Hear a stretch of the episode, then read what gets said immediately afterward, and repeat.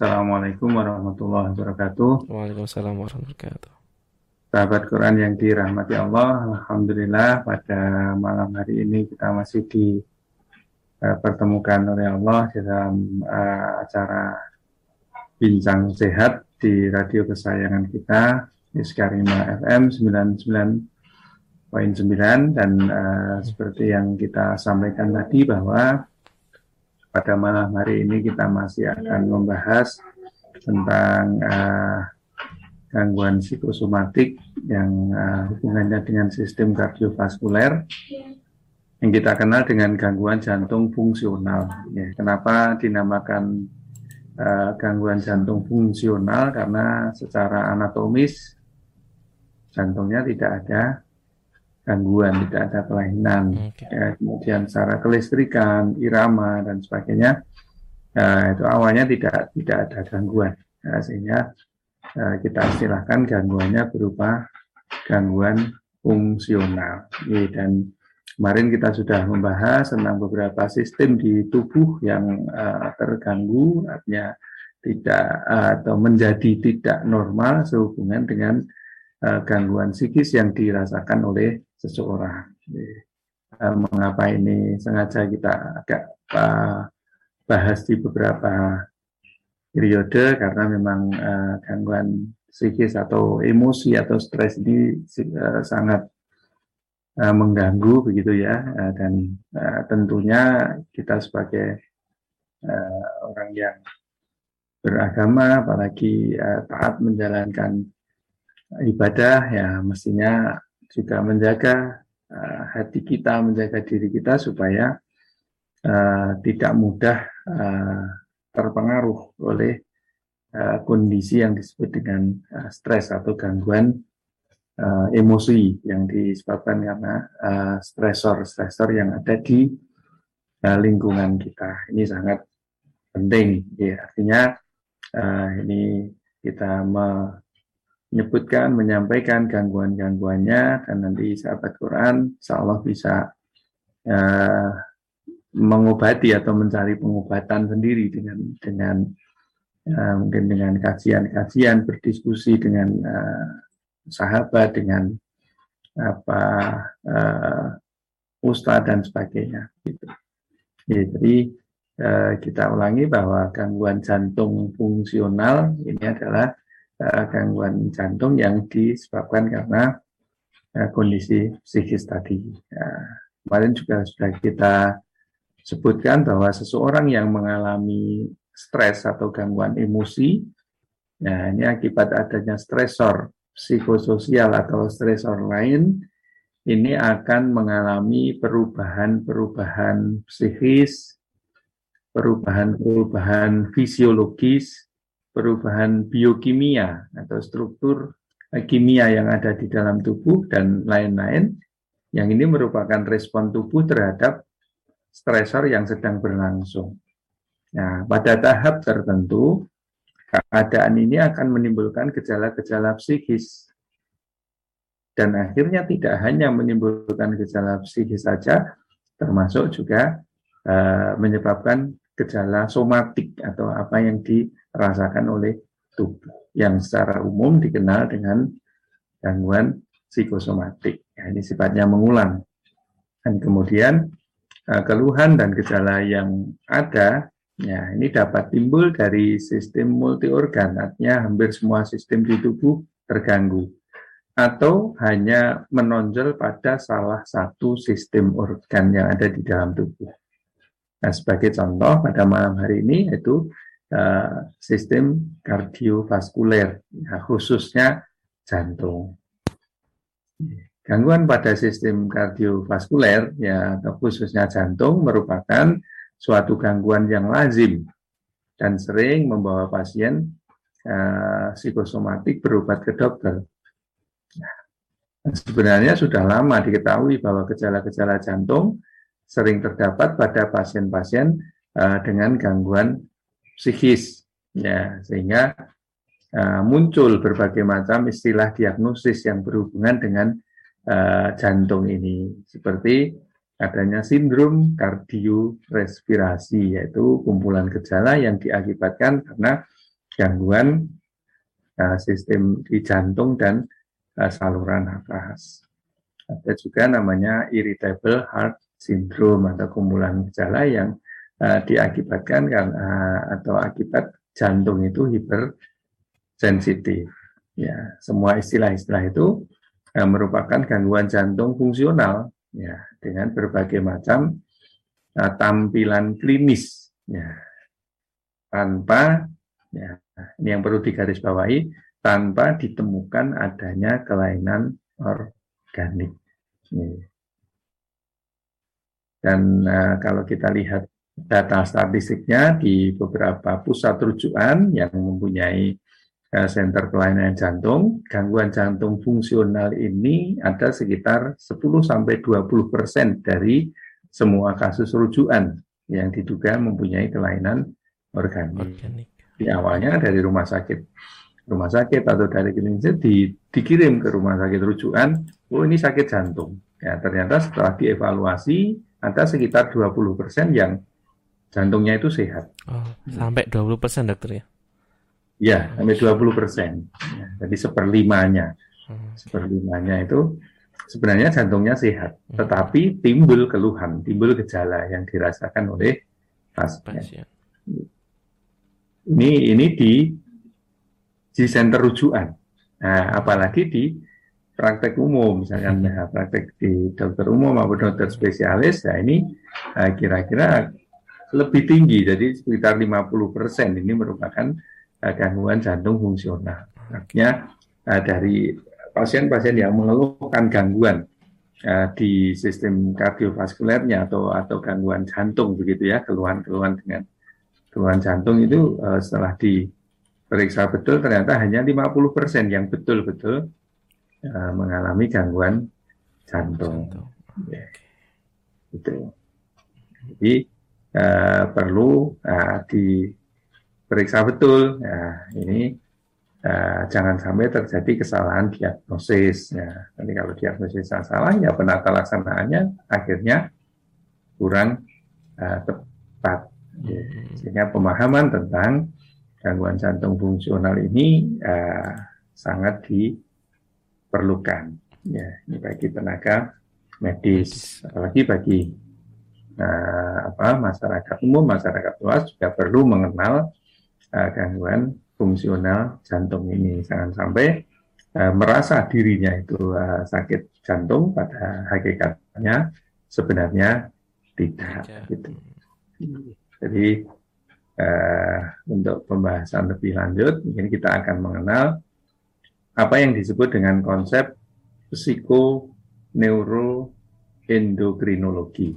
Ya, jadi kita ulangi, ada namanya konsep psikoneuroendokrinologi. Ini dulu pernah kita uh, singgung hmm. bahwa ada kaitannya antara psikis, kemudian sistem saraf dan uh, sistem endokrin atau hormon-hormon yang ada di dalam tubuh. Dan ini sudah banyak dibuktikan bahwa dalam uh, kondisi stres, ya ini melalui susunan saraf otonom ini akan merangsang uh, medula adrenal namanya ini untuk memproduksi hormon katekolamin ya, dan jalur hipotalamik yang merangsang kontrek adrenal memproduksi kortisol. Ya, secara umum peningkatan kedua hormon ini akan menyebabkan ya, itu kalau diilmiahkan gitu namanya konsep psikoneuroimunologi tadi ada gangguan ada rangsangan menyebabkan uh, sekresi atau pengeluaran hormon-hormon tadi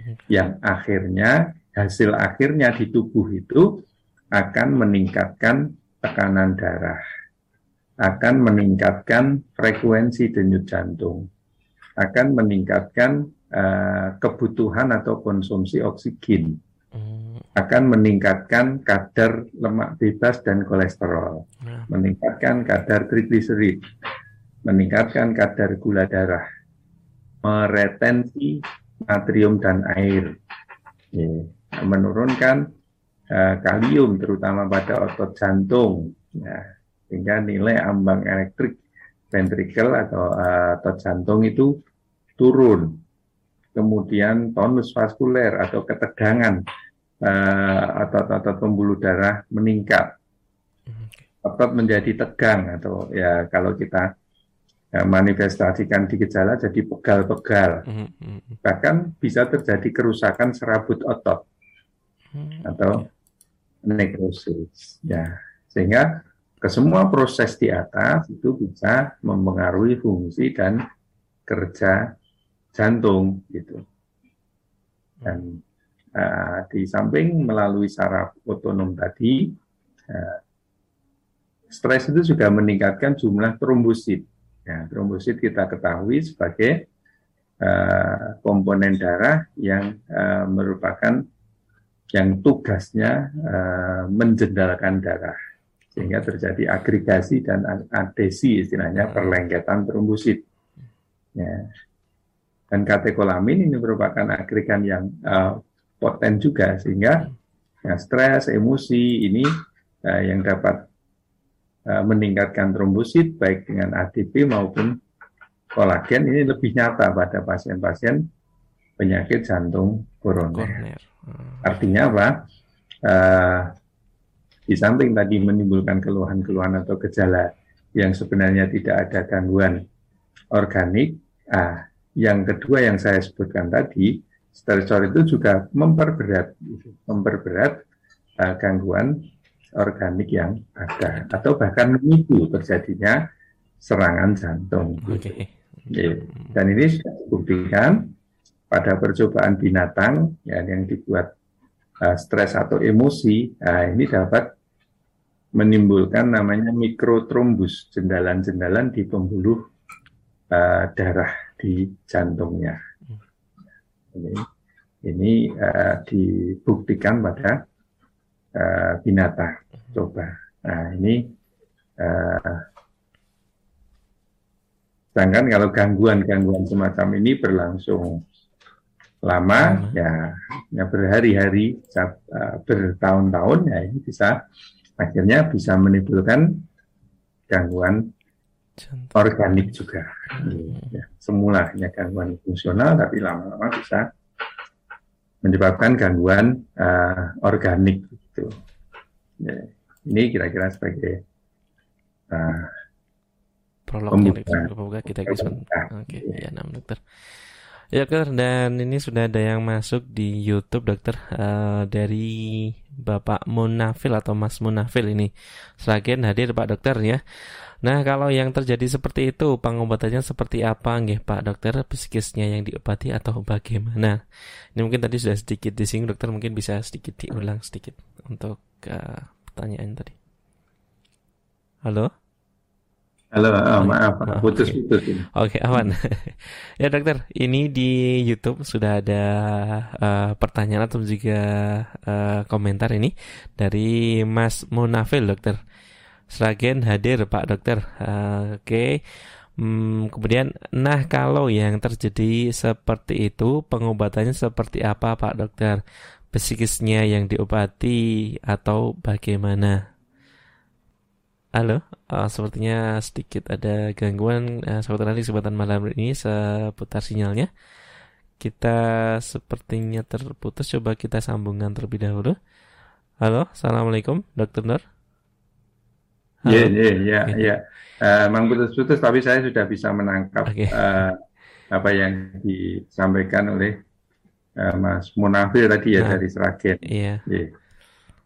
Yeah beliau mengatakan kalau ada keluhan semacam itu yang ternyata disebabkan oleh uh, psikis terus langkah-langkahnya apa hmm. gitu mana yang diobati gitu ya jadi uh, kita sampaikan gangguan psikosomatis ini uh, tidak hanya ketika terjadi gangguan terus kita seperti apa hmm. justru yang terpenting adalah uh, supaya kita tidak uh, tidak jatuh atau tidak uh, berada di dalam kondisi stres kan gitu hmm. uh, sehingga apa tidak muncul keluhan-keluhan tidak muncul gejala-gejala seperti yang kita sampaikan sejak awal itu baik okay. gangguan tidur kemudian uh, gangguan di pencernaan termasuk uh, di pencernaan bagian atas maupun bawah kemudian gangguan uh, jantung ini uh, begitu kemudian Ya, kalau sudah terjadi gangguan, bagaimana? Ya, nomor satu adalah bagaimana kita mengatasi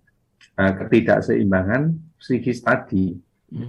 Itu yang paling paling penting yang uh, yang mesti kita uh, kita identifikasi ya kita ketahui untuk uh, selanjutnya dikelola uh, dengan baik, baik. gitu.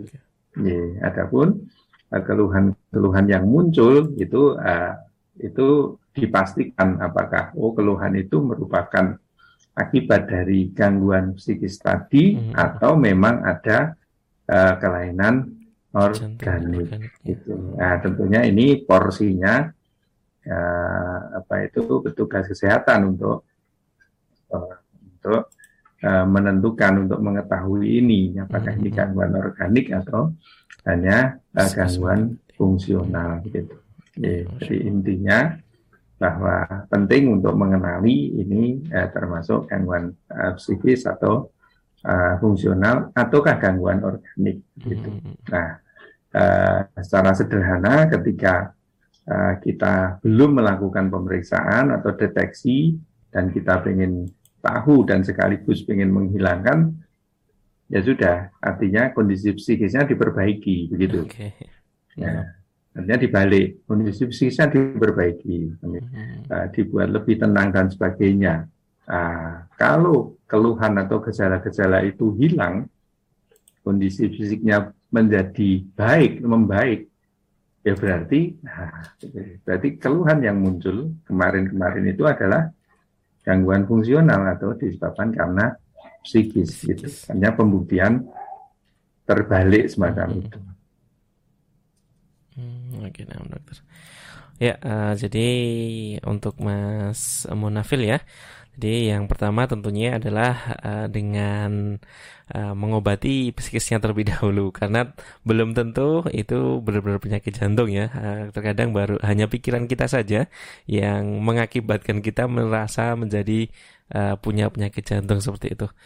Dan saudara, uh, sepertinya kita terputus lagi dengan Dokter Nur karena mungkin ada sedikit gangguan dengan sinyal ya.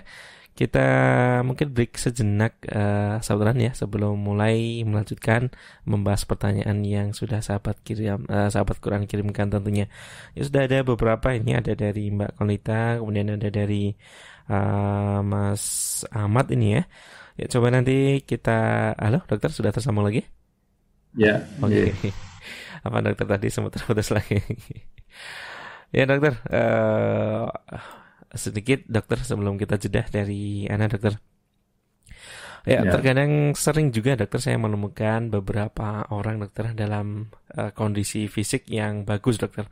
Olahraganya kuat, kemudian makanannya juga uh, terjamin lah, terjaga lah. Namun malah ketika suatu saat ya, mungkin ketika sedang hanya istilahnya sedang pilek, flu seperti itu atau masuk angin lah gampangannya untuk orang Jawa. Itu dia badminton seperti itu atau mungkin juga tenis ya, melakukan olahraga yang agak berat dokter. Dan ketika melakukan olahraga yang berat itu, uh, beliaunya tiba-tiba langsung drop dan tiba-tiba tidak ada dokter.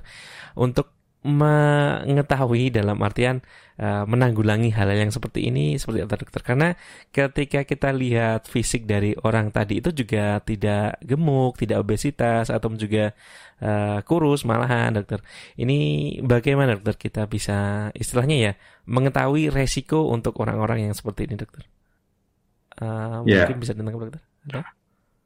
Ya jadi yang uh disampaikan oleh Mas Nur Syahid hmm. tadi adalah serangan jantung gitu ya hmm. intinya uh, bagaimana orang yang uh, secara fisik tampak sehat, sehat. bisa tiba-tiba uh, terkena serangan jantung gitu. Hmm. Jadi uh, untuk kemarin insya Allah sudah pernah kita bahas juga hmm. bahwa uh, kardiovaskuler apa kejadian kardiovaskuler itu atau serangan jantung atau stroke hmm. ya gitu ya yang sifat mendadak itu uh, secara medis uh, itu mesti ada faktor risikonya. Okay. Dan uh, faktor risiko mayor kita kenal uh, kemarin sudah pernah kita bahas ada namanya obesitas, hmm. kemudian uh, merokok, kemudian uh, usia, hmm. termasuk apa uh, apa pola hidup atau gaya hidup nah, itu yang yang tampak yang kelihatan mm-hmm. tetapi ada hal yang tidak kelihatan yang yang bisa yang yang secara uh, kasat mata tidak kita ketahui yaitu bagaimana kolesterolnya, ya bagaimana namanya mikroalbuminnya okay. itu uh, dan uh, bagaimana kualitas pembuluh darahnya. Artinya bisa bisa saja orang yang secara secara fisik atletis bahkan hmm. rajin berolahraga, hmm. tapi ketika dia punya uh, punya plak istilahnya, plak hmm. itu uh, punya timbunan lemak di pembuluh darahnya. Hmm. Nah, okay. Yang menonjol itulah timbunan uh, lemak itu yang uh, terjadi uh, ketika uh, proses itu dimulai dari uh, sudah sejak usia muda ya. Uh, istilahnya seperti menabung nah, menabung lama nah, pak itu bisa uh, akhirnya melepas dan menyumbat di pembuluh darah jantung. Hmm. gitu. Nah apa kira-kira faktor yang mempengaruhi plak ini menjadi tidak stabil? Ya tadi misalkan merokok kemudian uh, kadar apa uh, lemak di dalam darah, kemudian termasuk uh, alkohol, minum alkohol, termasuk apa uh, usia dan sebagainya. Yeah. Usia Kalau pada wanita juga... karena sudah menopause sehingga uh, apa itu hormon estrogennya sudah menurun. Nah, gitu. Jadi kalau diteliti, ya, diteliti itu umumnya yang terjadi serangan jantung itu memiliki uh, faktor risiko, risiko. tadi. Hmm, okay. Artinya faktor risiko itu tidak mesti tampak di ya dari luar. ya, faktor risiko yang mesti diperiksa uh, melalui laboratorium. Okay. Ya, Masya Allah, jasa, uh, jazakumullah dokter atas penjelasan. Jadi mungkin uh, kita tidak bisa melihat hanya dari fisiknya saja dokternya, atau juga dari kegiatannya mungkin bisa beberapa meskipun seperti mungkin kebiasaan merokok seperti itu dokternya. Uh, ternyata ya, usia pun juga meningkatkan resiko penyakit jantung ya dok ya. Iya. Oh, Oke, okay, ya, Masya Allah ya. Jadi istilahnya ada faktor risiko yang bisa dimodifikasi, mm -hmm. ada faktor risiko yang tidak bisa dimodifikasi, oh. gitu. Yeah. Masya Allah, jasa kemahi dokter. Dan sebenarnya sudah ada beberapa pertanyaan yang masuk dokter, tapi kita break sejenak dokter sebelum kita lanjutkan lagi. Dan kita ingatkan bagi sahabat kita semua yang pengen gabung ya, uh, seperti mungkin Mas uh, siapa tadi di YouTube ya, ada Mas Munafil ya yang sudah bergabung di YouTube. Uh, kami persilahkan bisa di situ juga via streaming di YouTube atau juga di Facebooknya ya di Skarima Radio. Tafadhol bisa bergabung di salah satu atau mungkin yang pengen gabung gabung di WhatsApp-nya atau juga SMS uh, bisa di 081229888614 ya. Atau yang pengen telepon langsung bisa juga di 027169800010. Dan sahabat kita akan jeda sejenak terlebih dahulu ya. Uh, sebelum mulai lagi ya untuk mengupas atau juga menjawab satu persatu pertanyaan yang sudah sahabat Quran kirimkan tentunya. Ya dan jangan ke mana-mana tetap satu bersama kami di 99.9 FM Radio Iskarima sahabat Anda belajar Al-Quran. Ya, sekarang kembali lagi di program Bincang Saya di kesempatan malam hari ini tentunya masih bersama dengan saya Nur Said dan juga narasumber kita yaitu Dr. Nur Hidayat SPPD Finasim ya. Dan tentunya kami ingatkan bagi sahabat kita semua yang pengen gabung di kesempatan malam hari ini ya, tafadhol bisa bergabung tentunya baik uh, via streaming kami di YouTube ataupun juga di Facebook atau mungkin yang pengen gabung di SMS dan WhatsApp tentunya ya bisa bergabung di 081 229888614 ya. Dan bisa juga gabung di telepon kami di 0271698010. Ya dan Sultan, uh, kita langsung lanjut uh, dulu mungkin ya ke pertanyaan ya. dan sudah ada satu pertanyaan ini ya. Kita namun kita sambungkan dulu. Halo, Assalamualaikum Dokter Sudah tersambung kembali kah? Halo, selamat malam. Dokter Halo. Assalamualaikum Dokter Nur. Uh, Oke, okay, sepertinya belum tersambung. Uh, kita coba lagi ya. Uh, ya tentunya bagi sahabat semua yang bergabung ya kami ingatkan uh, bisa bergabung uh, via telepon ya sekali lagi bisa di 02716980010 untuk teleponnya dan untuk penanya di WhatsApp atau juga SMS bisa di 081 229888614 dan coba kita hubungan kembali dengan Dr. Nur. Halo Dr. Nur, Assalamualaikum, selamat malam. Ya, sudah tersambung lagi dok. ya, uh, langsung saja dokter. Ini ada pertanyaan dari Mbak Konita dokter di uh, Mojolaban. Dan langsung saja kita bacakan dokter. Bismillah, Assalamualaikum dokter. Waalaikumsalam. Izin bertanya dokter. Ya, ada ini ada kesehatan saya agak bermasalah. Kodarwa di bagian kaki kanan saya mati rasa yang berfungsi cuma kiri yang kanan cuma buat menahan tok dokter. Nah kalau saya buat jalan jauh, saya mudah lelah dan setiap kali habis buat jalan jauh, Nafas saya tersengal dok dan dada saya terasa sesak sekali dan kalau dada sesak langsung saya tidurkan. Nah yang saya tanyakan dokter apa penyebab semua itu uh, dokter dan mengena mengenai dada sesak dan nafas sering tersengal solusinya bagaimana dokter atas jawabannya jazakumullah khairan. Iya, uh, terima kasih dari dari Mbak siapa tadi? Mbak Konita dokter wanita.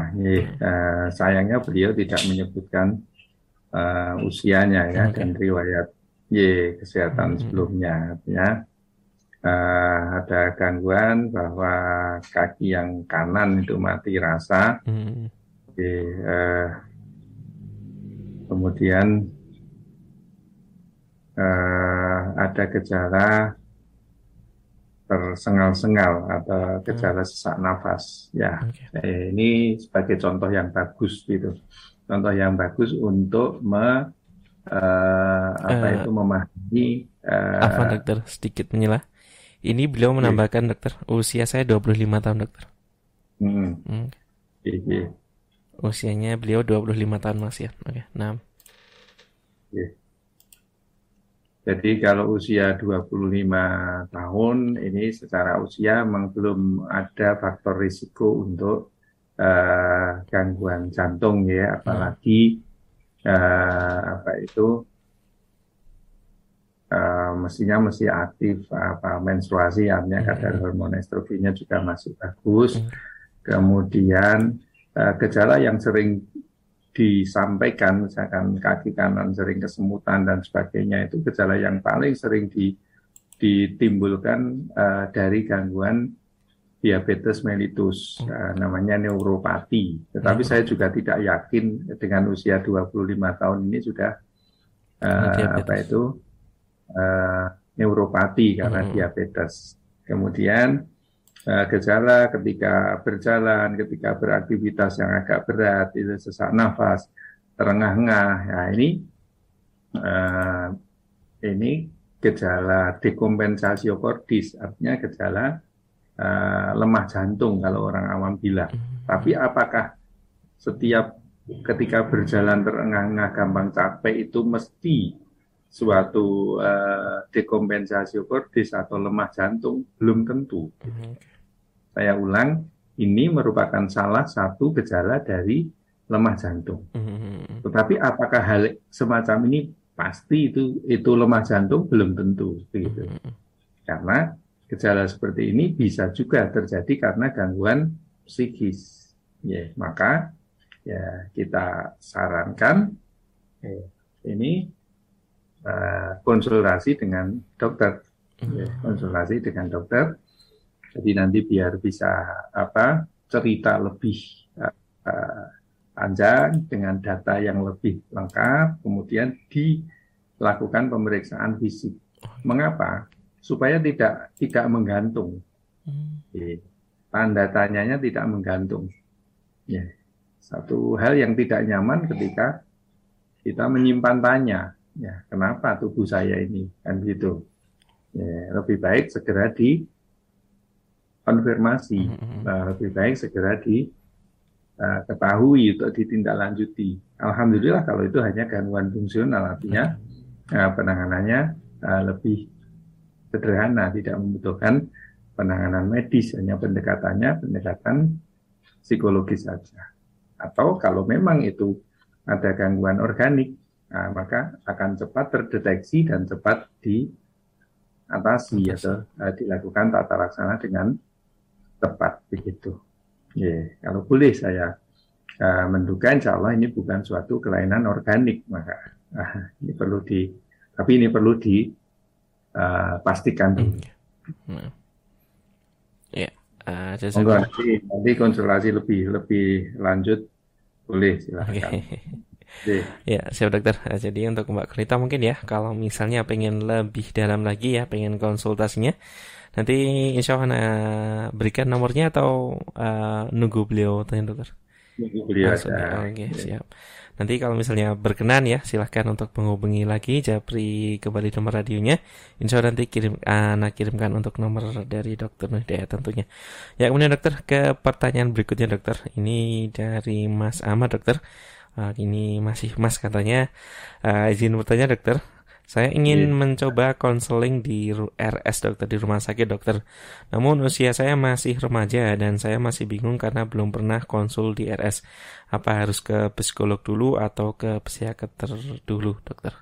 Monggo dokter. Ini yang tadi bukan? Bukan dokter. Ini sudah penanya berikutnya dokter. Ada Mas Ahmad. Halo? Nah, apa? Uh, keluhannya apa? Okay. Iya, tergantung apa yang di apa yang dirasakan, apa yang hmm. dikeluhkan begitu, yeah. ya. Sehingga monggo mungkin nanti bisa disampaikan baik lewat SK5 acara live semacam ini hmm. jadi perinci apanya uh, apa yang dirasakan begitu. Artinya hmm. kalau merasa kurang nyaman hmm. boleh nanti minta nomor saya untuk untuk konsultasi uh, secara langsung ke saya cuma uh, mohon di diperinci apa problemnya apa hmm. yang apa yang uh, menjadi keluhan begitu dengan tentunya tadi dengan data-data uh, kondisi kesehatannya umur dan sebagainya. Ya, dokter, jasa atas jawabannya. Kemudian ke pertanyaan berikutnya, dokter. Ini dari Ibu Nari dokter di Karanganyar ya. Uh, Assalamualaikum warahmatullahi wabarakatuh. Dokter, saya mau tanya. Saya pernah jantung berdebar-debar saat bertemu dengan teman lama. Apakah itu termasuk sakit jantung, dokter? Mohon pencerahannya. Uh, Mungkin ya. mungkin sedikit tadi. Ya, ya, ini, ini pertanyaan yang bagus. Nah. Pertanyaan yang bagus. Ini menggambarkan bagaimana ya, bahwa jantung itu uh, dibersarafi oleh sistem saraf otonom, terutama hmm. uh, dalam hal ini adalah sistem saraf simpatis, di mana ketika ada ada rangsangan hmm. atau ada ada suatu aksi, maka timbul reaksi, timbul uh, peningkatan uh, rangsangan reseptor simpatis itu dengan denyut jantung yang lebih cepat. Misalkan kita takut, kita tadi kaget kan gitu mhm. Atau kita uh, ada luapan emosi seperti oh ketemu dengan Teman. anak yang lama berpisah misalkan uh, di pondok bertahun-tahun baru pulang atau memang sudah merantau atau ketemu teman lama begitu.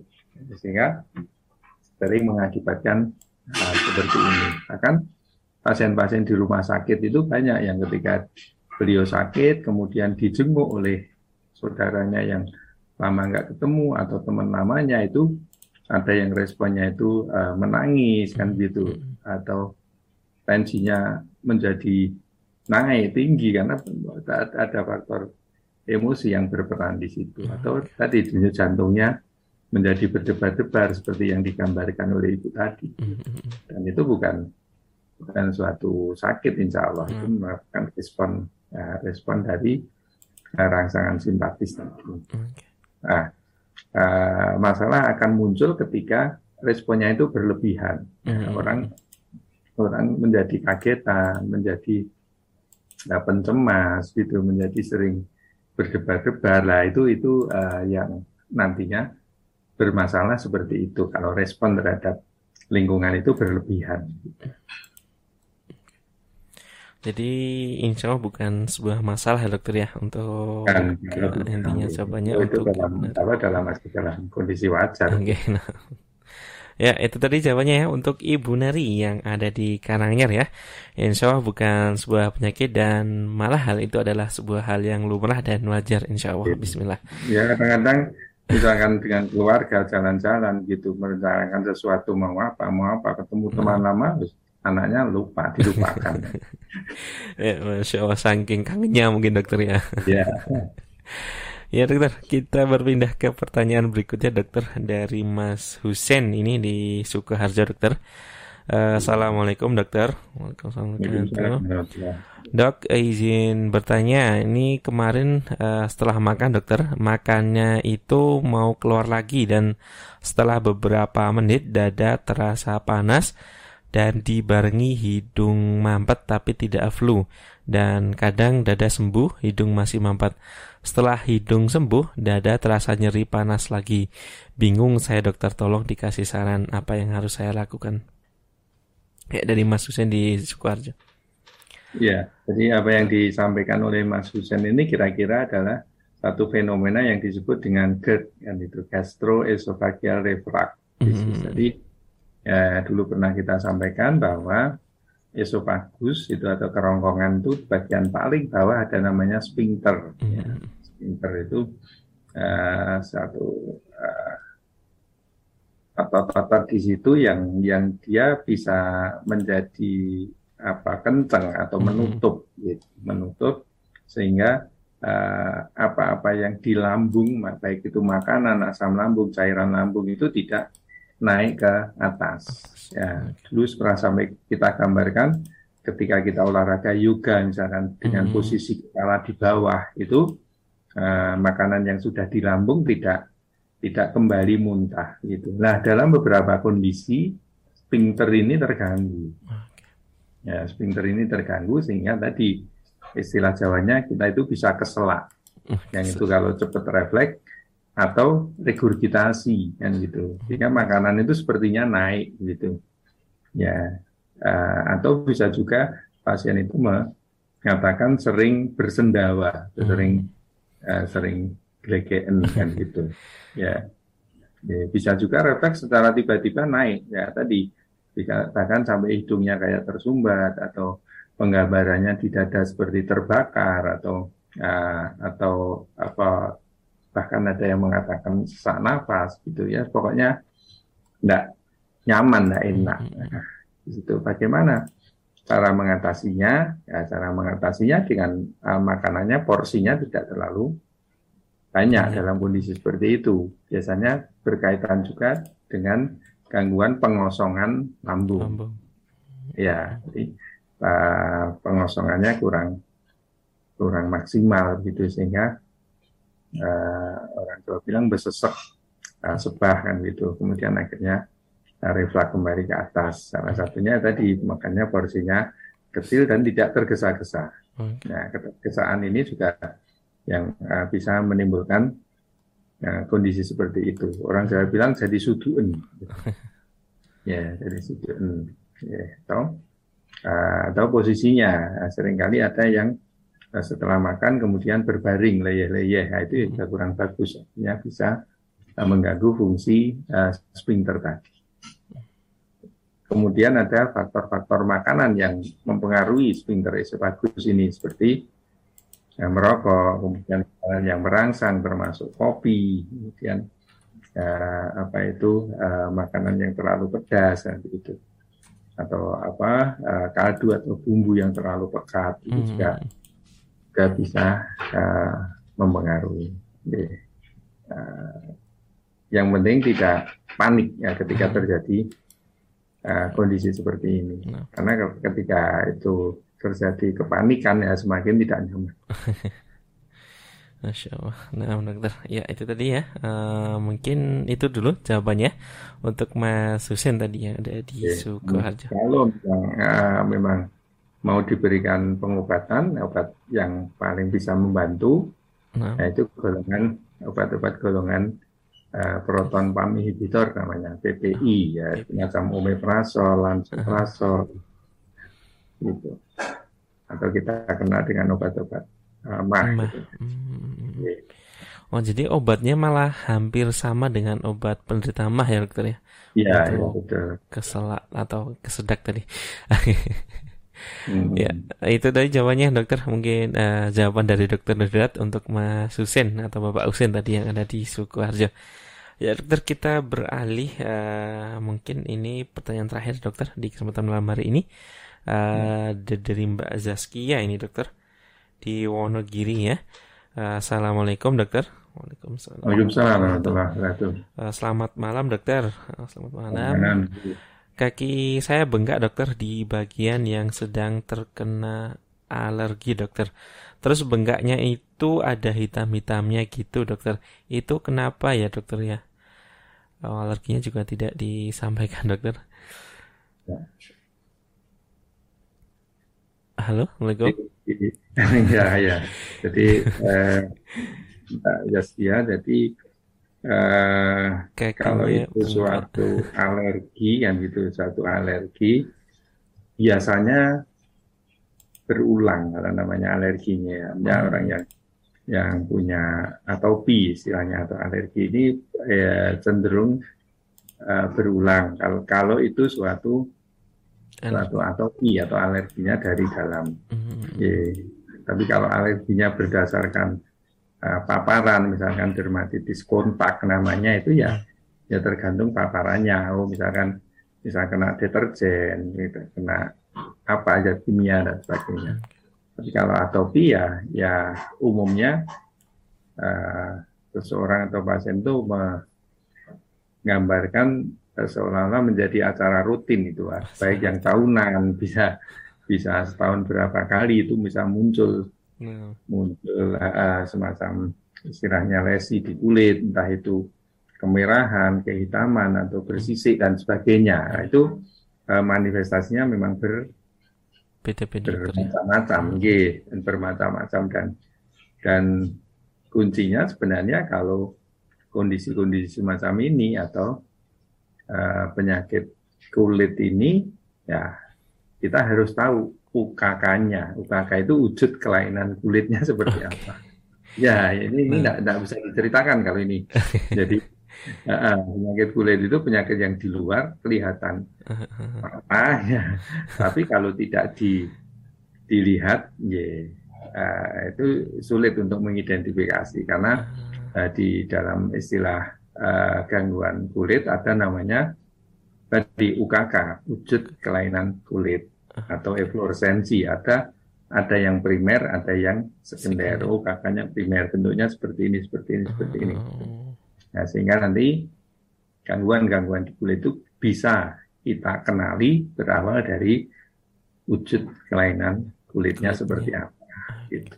Dan kemudian baru kita nanti akan bisa menganalisis kira-kira, oh ini sebabnya apa. Nah, kemudian langkah berikutnya, oh ini terapinya atau pengobatannya Seperti apa? apa. Jadi langkah-langkahnya seperti itu. Jadi ketika mau berkonsultasi, kalau kalau ada uh, gangguan kulit semacam ini, alangkah baiknya kalau dengan Dokter kulit. gambarnya. Ya, kalau saat ini kan teknologi sudah canggih, jadi misalkan tidak ketemu langsung bisa uh, berkonsultasi dengan dikirimkan uh, gambarnya Hmm. gitu. Jadi, sehingga kalau kalau hanya diceritakan, hanya dideskripsikan itu masih sangat sulit dan, dan nanti bisa menimbulkan uh, bias istilahnya begitu. Oke.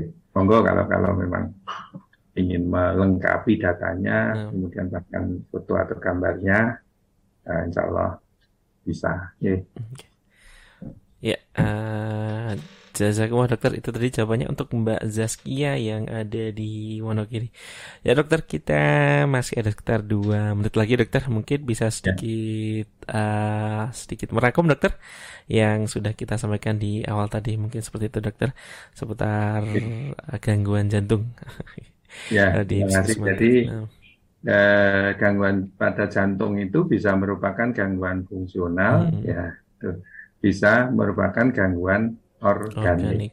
ya, bisa merupakan gangguan organik, dan ini juga berlaku untuk organ-organ yang lain. Nah. Itu artinya begini, di satu sisi jangan sampai kita uh, ketakutan berlebihan dengan setiap perubahan setiap kondisi misalkan tadi oh ketemu teman lama menjadi deg-degan jangankan ketemu baru baru kencan mau ketemu saja sudah deg-degan ya. ada ada yang semacam itu kan ya, misalnya uh, atau uh, di sisi lain begitu di sisi hmm. lain uh, jangan sampai kita menyepelekan kalau ada uh, ada keluhan-keluhan hmm. semacam itu ya ini kadang-kadang kita menganggap oh ini hal biasa tapi sebenarnya itu disebabkan karena gangguan organik Nah, maka uh, perlu kita mengenali uh, gejala-gejala uh, itu, kemudian kalau itu memang ada dan muncul, ya itu monggo kita berkonsultasi dengan uh, dengan ahlinya seperti itu. Ya, dengan ahlinya, dengan yang uh, medis supaya uh, nanti tidak uh, keterusan begitu. Hmm. Uh, kalau itu uh, sesuatu yang tidak perlu dikhawatirkan kan gitu. Uh, dengan begitu kan menjadi tenang dan hmm. gejalanya tidak timbul kembali. Uh, kalau itu merupakan satu gangguan yang perlu ditindaklanjuti ya juga tidak saya, jadi secara umum gitu, secara umum bahwa gangguan uh, psikis itu atau uh, apa uh, satu respon yang kurang tepat terhadap stres kan itu karena hmm. stres itu kan mesti ada. Tidak hmm. mungkin kita uh, menghilangkan stresor itu kan tidak mungkin. Ya kan bisanya kita mensikapi stresor-stresor itu supaya tidak mengganggu uh, tubuh kita. Ya sehingga adanya stresor-stresor tadi ya semoga kita bisa menangani menghadapi dengan baik dengan pas supaya apa? Supaya tidak menimbulkan gangguan-gangguan ya, yang ada di tubuh kita. Supaya tidak menghasilkan uh, beberapa uh, psikosomatik. Artinya uh, gangguan yang dialami oleh tubuh kita atau organ tubuh kita yang sejatinya bukan karena kerusakan organ tubuh tetapi hmm. karena uh, tidak tepatnya dalam kita mengelola uh, psikis kita atau emosi kita. kita. Itu yang bisa kita sampaikan pada malam hari ini. Mudah-mudahan bermanfaat. Ada kurang lebihnya, mohon maaf. Ya, masya Allah. Ya, jazakumullah dokter atas ilmunya dan juga waktunya dan juga jawab jawabannya tadi untuk semua penanya di kesempatan malam hari ini. Uh, semoga Allah balas dengan pahala yang berlipat ganda dan juga semoga bisa menjadi salah satu pemberat amal kebaikan panjenengan nanti di yaumil akhir. Amin amin ya robbal alamin. Dan tentunya bagi sahabat semua di kesempatan malam hari ini ya, kami ucapkan jazakumullah khair juga telah bergabung ya. Baik yang mungkin mengirimkan pertanyaan ya atau juga yang eh, menyimak baik yang ada di uh, radio ya, tune di radio kami di 99.9 FM atau juga yang via streaming di uh, YouTube mungkin ya tadi ada uh, beberapa ya, ada Mas Munafil, kemudian juga ada Mas Sidik Azza ya yang ada di YouTube. Jazakumullah sudah bergabung. Dan untuk yang di Facebook ada Mbak Kualita juga, ada Mas Markona dan juga Mbak Sofia Himatulul ya. Jazakumullah khair sudah bergabung dan kita harus usudahi dulu uh, perjumpaan kita di malam hari ini ya. Akhirnya saya Nur Said yang bertugas mewakili segenap kru Radio Iskarima dan juga mewakili Dr. Nur Hidayat SPPD Finasim pamit undur diri dari ruang dengar sahabat Quran semua. Dan jangan lupa untuk ikuti program Bincang Sehat ya di pekan depan tentunya. Uh, masih di jam 8 sampai jam 9 kurang lebih ya. Tentunya masih bersama narasumber kita insya Allah ya ada Dr. Nur Hidayat SPPD Finasim dan insya Allah Ana sama Ana ya. ya mohon atas segala kekurangan dan kekhilafan ya. Uh, Subhanakallahumma wa bihamdika asyhadu alla ilaha illa anta astaghfiruka wa atubu. Wassalamualaikum warahmatullahi wabarakatuh.